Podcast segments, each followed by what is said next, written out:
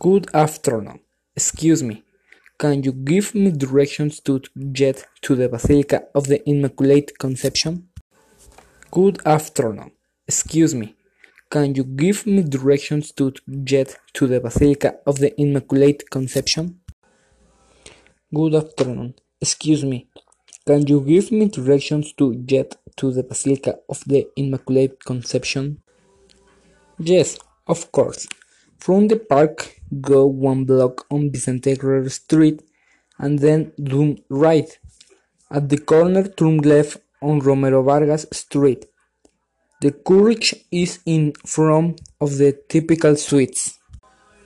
Thank you. I built online bed in Chignahuapan for a few days, so I still don't know the way. Oh, I know how you feel. I can help you whenever you want.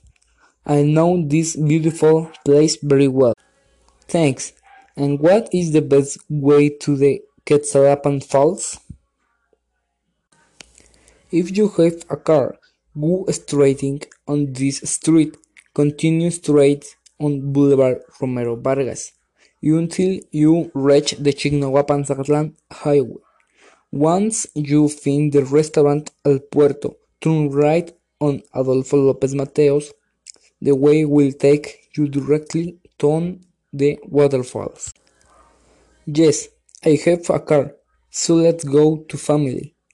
Thank you for help. You're welcome. Enjoy.